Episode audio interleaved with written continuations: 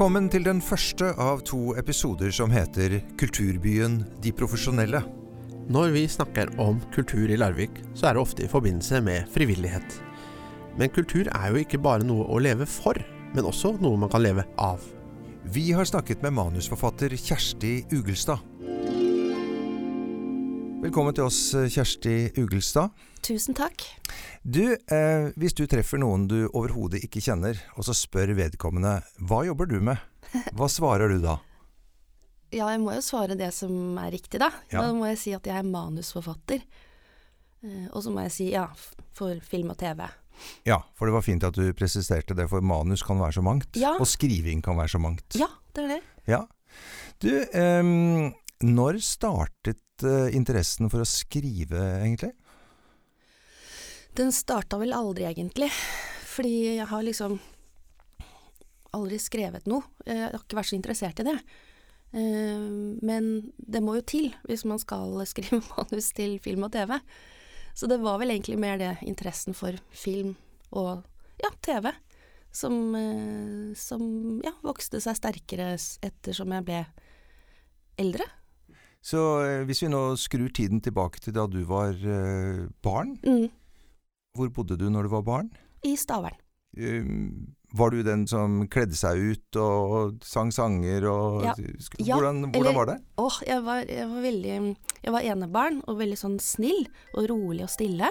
Så jeg var egentlig ikke sånn 'se på meg, hurra', men jeg elska å kle meg ut. Og, eh, og ettersom jeg var eh, enebarn eh, på 70-tallet, og det var ikke så mye å finne på da, eh, på en søndag når det regna, så, så liksom gikk jeg litt sånn i min egen verden. Så jeg var jo på en måte jeg var jo på en måte i en eh, film eh, mye av tida. Gikk jo liksom, og det var virkelig for meg, da. Noen ganger så gikk jeg ut også og var f.eks. Askepott. Ikke sant? Og så husker jeg eh, naboene Anders og Peder, to tvillinger, som Øy, Kjersti, du har noe dritt på nesa. Så det er ikke dritt. Det, det er aske. Jeg er Askepott. Så søtt. Ja, for at det var så virkelig i mitt hode, så jeg ble fornærma over at ikke de skjønte det. Så de ikke at jeg var jeg, og jeg var et offer, ikke sant. For det var, jeg var litt sånn dramatisk, da. Ja. Jo, så det var egentlig sånn. eh, Og så så jeg mye på TV. Jeg likte det veldig godt alltid. eh, Men det var jo eh, den gangen bare barne-TV klokka seks på kvelden. Det fantes jo en kino. Ja. I Stavern så var det vel eh, Det var i militærleiren. Så var det de satte opp Flåklypa Grand Prix, husker jeg så der. Mm. Men har du slutta helt med den der eh, det å gå rundt og være en annen? altså, har det, for jeg føler noen ganger at jeg for min del aldri har slutta helt med det. Ja, ja det er sant. Jeg, hvis jeg sitter på toget, så kan jeg merke Eller hvis jeg går rundt i butikken, eh, matbutikken, så kan jeg merke at noen ser litt rart på meg. Og så våkner jeg litt til, og så innser jeg at jeg liksom Jeg har stått noen sekunder og liksom hatt noen uttrykk i ansiktet. Jo, jeg, ja. ja. Ja.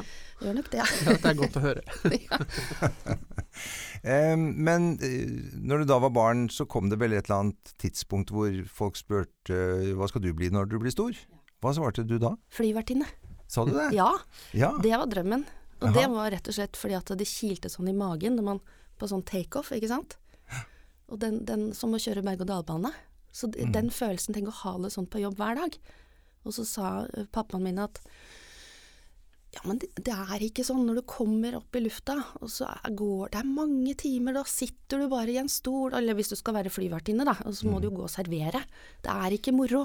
Han syntes ikke, han var ikke noe for, støtta ikke det. Og så ville jeg bli eh, frisør, for det syns jeg virka Men bare spørre, eh, så du det som en rolle?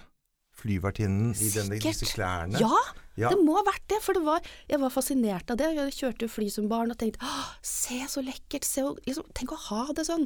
Det kiler i magen, og du går rundt i fine klær og er sånn hyggelig og Nei, det var Ja. topp. Men så altså ønsket du å være frisør? Ja. det var så morsomt å ordne med håret til andre. andre. Ja. Men det her var nok litt sånn, da var jeg kanskje tre-fire år, da. Ja, såpass. Ja. Ja. Men så husker jeg det at Og så hadde vi jo svensk TV, vi var så heldige vi som bodde her nede da. Og der hadde de sånn julekalender som var så mye kulere enn eh, Jul i Skomakergata. Og da ble jeg litt sånn eh, La jeg merke til når rulleteksten kom, ikke sant, var Her er det masse mennesker som har lagd det. Så ble jeg sittende og se. Og jeg husker faktisk det, at jeg ble sittende mens de andre barna liksom var ferdige og gikk. Så tenkte jeg, men det her er jo kjempeinteressant. Regi, manus. Ja, det er masse folk som lager TV. Så ja, så etter det så visste jeg på en eller annen måte jeg vil jobbe med noe etter på en eller annen måte. Lage noe som kommer på TV eller kommer på en skjerm. Ah, ja, akkurat. Um, etter det vanlige skoleløpet så kommer man til et punkt hvor man må ta noen valg. Mm. Uh, hva valgte du da? Da var det jo sånn at på den tiden, det her var jo på slutten av Begynnelsen av Var det slutten av 80-tallet eller begynnelsen av 90-tallet? Da var det ikke sånn press sånn som det er nå, ut, altså at du må vite hva du skal bli og master og alt mulig sånn. Det var jo, og i hvert fall ikke for meg som jente, det var litt sånn det er viktig å få seg en utdannelse, for sånn har det blitt nå i det moderne samfunnet. Det er viktig. Jenter også må ha utdannelse. Det er det viktigste. Og så er det jo fint, det er lurt å studere noe som interesserer deg. Så da var det sånn, ja, er det som interesserer meg? Og da, det var jo ikke noe filmskole eller filmutdanning uh, i Norge på den tida, da. Men jeg, hadde, jeg, husker jeg hørte om at det var en, noe som het London Film School. Så tenkte jeg åh, tenk å gå der. Men så tenkte jeg nei, nei, men det er jo i England, og det er jo de som er sånn ja, du vet, sånn fotografer og regissør Nei, det, jeg var litt sånn sjenert. Jeg tenkte det er ikke noe for meg. Så da mm, da begynte jeg å studere media. For det var liksom noe innen media var jo den, på den tida der. Eh, så gjorde jeg det. Sånn media og grunnfag. Det var moro.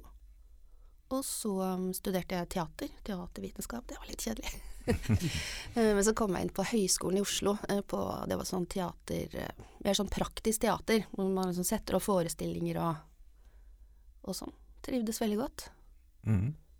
Og så ja, gifta meg med Tormod fra danset, Mm. og fikk barn. Og så skjønte jeg at jeg jeg kan ikke fortsette å, å studere. Nå er, liksom, nå er jeg voksen, nå har vi barn, det er regninger og barnehageregninger og jeg må liksom Jeg kan ikke bare fortsette å studere, jeg må jobbe og tjene penger. Så da ble jeg litt sånn Ja, men jeg ikke trodde jeg skulle få mer tid. Jeg, liksom, jeg fikk liksom aldri helt lagt noen planer. Og så var det Aftenposten, papirutgaven, jeg husker det kjempegodt, den store. Og så sto det bare sånn um, Hotell Cæsar søker manusforfatter. og så tenkte jeg såpeserie, det fikser jeg. Det. Hus what can det være. så da hadde jeg jo kjem, Jeg var så høy på pæra. Så, Så, det- da søkte du på det? ja. Ja. Jeg liksom tenkte ja, men den får, altså, de skal jo være så glad når jeg kommer og sier tilbyr meg'. Ja, bare innskutt spørsmål her. Hvor mye hadde du skrevet av noe som helst Ingenting. før det? Ingenting. ja, Det er det som heter cocky. Altså veldig arrogant, egentlig. For det skulle jo vise seg at, um, at um, det er jo ikke sånn. Um, det er, det, er liksom to, det, er, det er noe annet å følge med på og se på en såpeserie, og lage den. Det er liksom to Mm. vidt forskjellige ting. Ja. Så jeg fikk ordentlig bryna meg. Men jeg fikk jobben, da. Ja, og, og det som er med Cæsar Nå vet jo jeg litt om det, siden jeg har vært skuespiller der selv i to runder. Eh, så er jo det et teamarbeid. Hvor eh, i kjeden kom du inn første gangen du stilte opp på jobb i Hotell Cæsar? Da kom jeg inn på replikknivå. så da fikk vi Vi var fem forfattere. Det var fem dager, altså én episode per dag. Eh, så vi var fem forfattere. Dialogforfattere, som det heter da. Eller het. Eh, og da fikk vi en storyline som noen andre hadde skrevet. Ut ifra en long term, som vi kalte det. Mm. Veldig interne uttrykk. Og det er f.eks. en sesong. Ja. sesongbue, og så er det noen som brekker ned, det, eh, ned i ukesbolker, bolker, og så kom vi inn og da skulle lage manus for mandag, tirsdag, onsdag, torsdag, fredag. Mm. Mm. Hvordan var møtet med den type jobb, Kjersti? Det var jo bare moro. Ja. Jeg jobba der i tre år, så skrev vi til sammen ja, 70-80 episoder, tror jeg det blei. Ja. Mm. Nei, det bare morsomme kolleger, Alt, Det var liksom bare en Ja, det var nok den beste tida. Før alvoret. Hvordan eh, var det for deg eh, når du hadde skrevet din første episode? Mm. Var du innom og så prøvene Ja. og opptakene? Ja, Fordi da på den tiden vi jobba jo i samme lokal, altså samme bygning, altså stud, var studio eh, i underetasjen, og så satt jo vi manusfolkene oppe i, ja, i overetasjen. Eh, Så alle som jobba på serien var jo i den bygningen hele tiden. Så, så det var en del av jobben, eh, egentlig. Å gå ned i studio og følge med. Og liksom lære, ikke sant. Hva funker, hva funker. Få noen ideer og eh, Og selvfølgelig å se eh, hva heter det, grovklipp. Mm. Eh, ja, se episoder og diskutere det og gi tilbakemelding til regi og Så ja. Og så oppdaget du vel kanskje det at regissøren tenkte at uh, det du hadde skrevet, uh, var ikke akkurat det du hadde ment å si. Ja, Cæsar var på en måte Ja, vi lagde ikke kunst. Det var liksom ikke noe prestisje, og det visste alle, det var premisset. Sånn at det, det var ikke så mye følelser, det var ikke mye sånn Det handla om å liksom bare få det til. Eh, Ja, det her skal fikses. Puslespillet skulle gå opp. Ja, på utrolig kort tid. Så det var liksom ikke tid til å liksom sitte og føle og tenke og mene og Nei. Mm. Det var egentlig veldig greit. Men hvordan var det for deg å se da den første episoden innspilt, klippet og ferdig for sending? Det var helt fantastisk. Og da syns jeg eh, Altså, skuespillerne Jeg syns jo liksom, De løfta det, ikke sant. Det var jo han eh, Jeg husker spesielt da han hadde en større rolle. Var mye med han Husker jeg ikke navnet hans. Var det Sven? Var det Han het Svein. Jeg fulgte Svein! veldig mye med på Ja. Hotell Cæsar de første ti åra. skjønner Åh, og han var liksom han, han Og jeg syns han liksom bare skjønte alt jeg hadde ment, og liksom poengene, for det var jo Ja. Det skal være litt humor òg, ikke sant? Ja. Å, jeg var så stolt. Ja. Mm, veldig glad i skuespillerne. Og tilbake til da du var barn, når du så på rulleteksten. Eh, hvordan var det å se rulleteksten eh, med eget navn på for første gang? Det stemte, liksom. Det, nå er jeg der. Ja. Ja. Når var det du begynte å få litt ansvar for dine egne prosjekter eller ideer? Um, altså, da jeg var på Hotell Cæsar, så var det jo Det var jo veldig, altså, en veldig liten bransje. Vi hadde jo bare NRK. Altså TV 2 var jo helt nytt, det var jo da, eh, ikke sant. Eh, sånn at på en måte alle i bransjen var jo på Hotell Cæsar innom. Så- ja, det var var jo liksom- en utdanningsfabrikk. Ja, ikke sant. Så da fikk, ble jeg jo kjent med alle som Mm. jobba i bransjen. Og da var det Trygve Alster Disen som eh, hadde regi av og til der, som rett og slett spurte meg om, eh, om, om du har lyst til å være med og skrive på en serie. Eh, Torpedo. Ja. Og så tenkte jeg ja, men det må jeg jo si ja til. Jobben min er å hente de 400 000 du skylder. Så det var min vei ut. Ellers så, ikke sant? Det er veldig vanlig å bli stuck, eller nå går jo ikke CSA lenger, men uh, mange det som, man kommer seg liksom ikke videre. Så Mm. det var veldig skummelt, men, for da ble jeg en frilanser, da. Og det var liksom det prosjektet. Men da og, da og det var veldig moro. Mm. For det var ordentlig drama, ikke sant. ja. Mm. Blir fullstendig. Det gikk også på TV 2 Ja. i 2007. Den Riktig. skrev vi fra 2004. Men du har også lagd flere eh, serier. Ja. For eksempel eh, TV3 har du skrevet for. Mhm. Spesialenheten. ja, Ja. det stemmer. Politiet etterlyser nå foreldrene i inn- og utland. Jeg har et minne, det, det er ikke sikkert jeg har rett altså, men stemmer det at eh, der er det en skuespiller som har en rolle som heter Geir Atle Johnsen? Det stemmer, det. Mm, spilte ja. lege. Han spilte en ufyselig lege, var det ikke sånn? Spesialenheten. Men det var du som hadde skrevet den ufyselige legen, og, og det meste, eller alt egentlig, var det ikke det? Jo, det stemmer. Ja, rett og slett. Ja, fordi da når Torpedo ble så godt tatt imot, eh, og da fikk jo jeg plutselig mye mer oppmerksomhet. Og, og så da når eh, det var Rubicon på det tidspunktet skulle lage eh, ja, en krimserie, da, Spesialenheten, Mm. så ringte de meg, for da hadde de jo sett at jeg kunne skrive krim. Mm. Kunne jeg jo egentlig ikke, det var helt tilfeldig. Mm. Så da fikk jeg jo kjempeansvar. Jeg var hovedforfatter. Mm. Og det som sånn, tenker tilbake på det nå, det er jo helt drøyt. Det skjer jo ikke, liksom. Eh, Men, men jeg gjorde det, og for, for meg var det helt sånn selvsagt. Ja, det skal jeg vel bli. Ja, Da hadde jeg alt ansvaret for alle episodene og hele Ja, vi var flere som skrev, men da var det jeg som hadde ansvaret for teamet, og ja, fra, fra konseptet til um, ferdig innspilte episoder. Når du skriver manus, ja, hva er et manus egentlig? Altså, eh, er det en historie som er laga på forhånd, og du skal skrive innafor den, eller er det liksom, starter du, skriver du historien, eller hva, hva er egentlig et manus? Ja, det, det var egentlig et godt spørsmål. Um, når jeg kommer inn i bildet, blir kontakta av en produsent gjerne, så er det fordi at kanalen har sagt at vi ønsker oss krim. Eller vi ønsker oss humordrama. Og så sier produksjonsselskapet ja, men eh, vi skal, vi skal lage noe på det, og så kommer vi tilbake, så tar vi et møte, og så er jo målet at kanalen da skal bestille eh, manus. Og så skal de like det, og så skal de greenlighte, ja, vil ha hele serien. At den skal gå til innspilling. Så da, når jeg kommer inn i bildet, så er det ofte bare en sånn en sjanger. Eller ja, med en kvinnelig hovedperson eh, i dette miljøet. Eh, men det skal handle om eh, Ja, altså det kan være litt mer konkret, men det er ve ofte veldig åpent. Og, og produsenter er produsenter av en grunn, så de trenger liksom forfattere da, til å hjelpe seg til å utvikle det. Så da, da begynner man helt med blanke ark, egentlig. I, I den forbindelse så vet jo jeg at det skulle være et samarbeid mellom eh, tre forfattere fra henholdsvis Norge, Danmark og Sverige som skulle jobbe med et prosjekt i Sverige. Og du var den som ble plukket ut fra Norge. Mm. Hvem var de andre?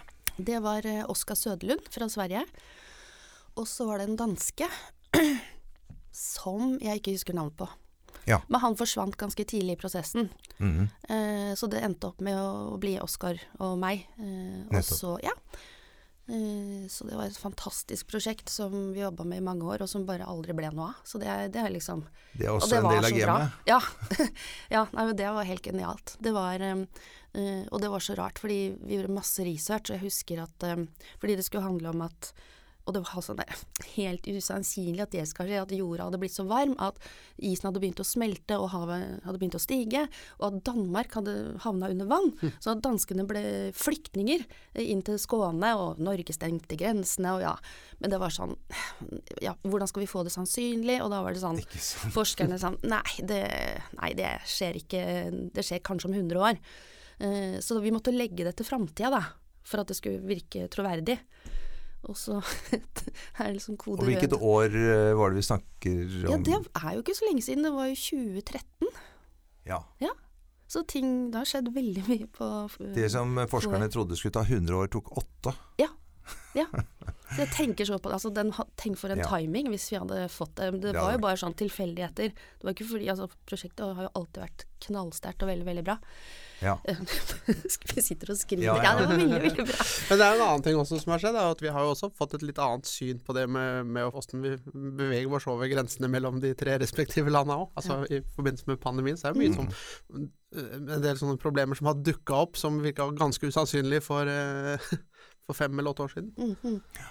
Det, det som i hvert fall er sikkert, er at uh, det er veldig mange som tror at man bare får en idé, og så blir det TV. Men dette er jo også et bevis på at uh, det er veldig mye innsats som legges i TV-serier og filmer som aldri blir noe av. Ja. Um, fra idé til ferdig resultat. Mm. Hvor lang tid tar det? Ja. Det kan ta et år, eller det kan ta fem, seks, syv. Ja. Mm. Og, og i utviklingsarbeid er jo veldig mye av den tiden, er det ikke det? Ja. Og Så- venting. Så skal man, kanalen komme inn og lese og mene. Og de, av en eller annen grunn, det er bare sånn det er, de bruker kjempelang tid. Så hvis vi har jobba et halvt år kanskje, da, og liksom levert, og så bare venter på go, så tar det kanskje tre-fire måneder. Mm. Og det er litt sånn, da er du frilanser, og så må du, må du alltid ha litt magefølelse, som jeg etter hvert har heldigvis fått ganske god intuisjon på, da. At er dette et prosjekt som jeg skal vente eh, på? Bare sånn sitte stille i båten?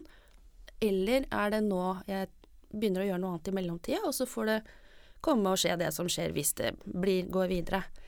Så det, Mm. Og så, ja, så sier en, som regel sier kanalen at eh, ja, det er veldig fint, vi vil gjerne ha litt mer av dette, eller litt mer sånn, eller eller de elsker det og bare sier ja, bare fortsett å skrive på. Mhm. Det er det beste, da. Ja. Er det noen prosjekter der du valgte å eh, ta sjansen på at eh, det går greit å ta en annen jobb imens, og så glapp det? Ja. Ja, ja, ja, ja, det har skjedd flere ganger. Men eh, av en eller annen grunn det pleier liksom å gå seg til. Og så er siden de- alle i bransjen kjenner jo til det. Sånn når man sier ah, ja, men jeg, jeg, jeg er på det her nå, men jeg vil gjerne være med, men jeg kan ikke før om i november. Og så er det veldig sånn smidighet eh, ofte, altså. Ja. At man venter, man venter på meg. Det siste som jeg eh, minnes du har stått bak og, og jobbet med, det er Maskineriet. Ja. Eh, som jo var filmet mye i Sandefjord og i Sverige. Ja.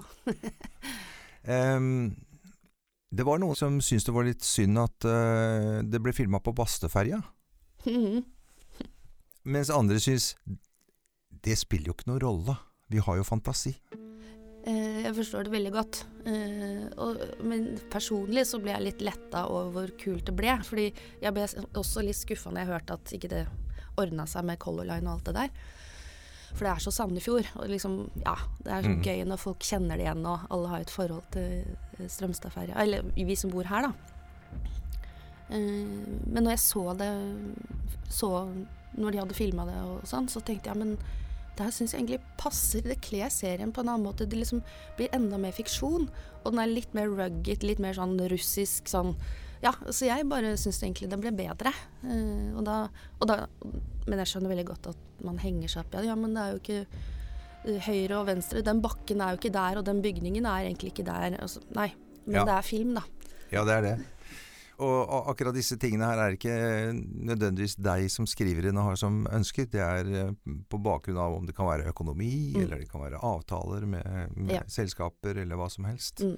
Jeg har jo sett, eh, jeg tror det var Blåmandag, som var en eh, ganske rar film som kom for en god del år siden. Og der var det sånn Da bodde jeg i Oslo, da husker jeg, da, da var det en som gikk rundt et uh, hjørne ved Skaus plass, og så kom hun ut på Bislett, liksom. Det, det ser litt sånn eh, rart ut. Men for alle de som ikke er kjent på Skaus plass, Mm. så funka det sikkert. Hva jobber du med akkurat uh, for tiden? Har det vært mindre jobbing i pandemitiden, eller hvordan har det vært? Det har vært veldig mye jobb uh, i Mm. pandemitiden. Så jeg har vært eh, utrolig heldig. Jeg, har jo kolleger som har blitt eh, arbeidsledige. Men Mm. jeg har Det er litt sånn tilfeldig, rett og slett. Men jeg har hatt voldsomt mye å gjøre. Ja. Så i pandemien så var jeg med å skrive 'Kjære landsmenn', blant annet. Ja. Eh, og sesong to av Maskineriet Å, så den kommer. Når er det premiere på den, da? eh, neste år. Mhm. Og, eh, og en ungdomsserie for NRK. Ja. ja, samisk ungdomsserie. Mm. Som eh, de har ikke greenlightet, så det er litt sånn Kan ikke si mer enn det, Nei, men jeg har jobba med det. Og så akkurat nå sitter jeg og utvikler eh, et konsept til en ny humordramaserie. Bransjen som lager alle disse filmene, de bor i hovedstaden her i Norge i hvert fall, eller i alle store byer rundt omkring i verden og sånn.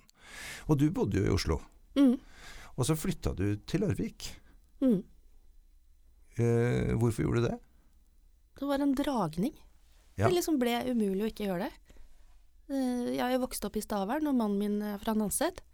Og så tror jeg bare jeg kjente det at Og vi, prøv, vi prøvde jo å få det til i Oslo, altså i møte Eller imøtekomme våre behov for liksom det man Når man har vokst opp her, så har man jo eh, sjøen og naturen og hage og mens i Oslo er det jo det er trangt, og selv om du, vi flytta til rekkehus eh, på Bøler med hage og Men det er masse naboer, og du står i kø for å komme i turløypa, og Så jeg kjente liksom bare Jeg lengter tilbake!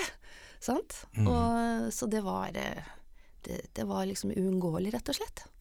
Påvirket det valget din skrivekarriere? Ble det mindre jobber, flere jobber? Spilte det noen rolle? Det var nok et heldig tidspunkt, fordi jeg var såpass etablert. Mm. Det var i 2008. Um, ja. men eh, det er eh, et bra spørsmål, for det er ikke noe som jeg kan anbefale andre å gjøre. Fordi det er jo mange kolleger som ikke liksom skjønner at det går an å bo i Larvik. Uh, og så er det jo noen som blir litt sånn åh, som også kommer fra andre steder i Norge, og som får litt sånn, bli inspirert da, til å gjøre, gjøre det samme, når det, går- det går tydeligvis veldig bra. Men da må jeg liksom si at ja, men det har sin pris. Det er tungt å dagpendle hvis man jobber på prosjekt hvor man må ha møte hver dag i Oslo. Stå opp fem om morgenen og komme hjem halv åtte. Og buss før tog og Det er, det er slitsomt i, i lengden. eh, Og så eh, blir man utafor. Altså, det er jo sånn i bransjen man må være synlig for å folk skal huske deg, rett og slett. Eh, Så, så jo, eh, jeg kunne kjenne det, eh, forskjell i Mm. starten, men det gikk seg til. Vi sier takk til Kjersti Ugelstad. Og i studio var også du, Geir Atle Johnsen, og jeg, Kjetil Wold. Følg oss gjerne på Facebook, Larvikspodden Ropert eller Vi350. Du finner også Larvikspodden på Spotify, og der du laster ned podkast.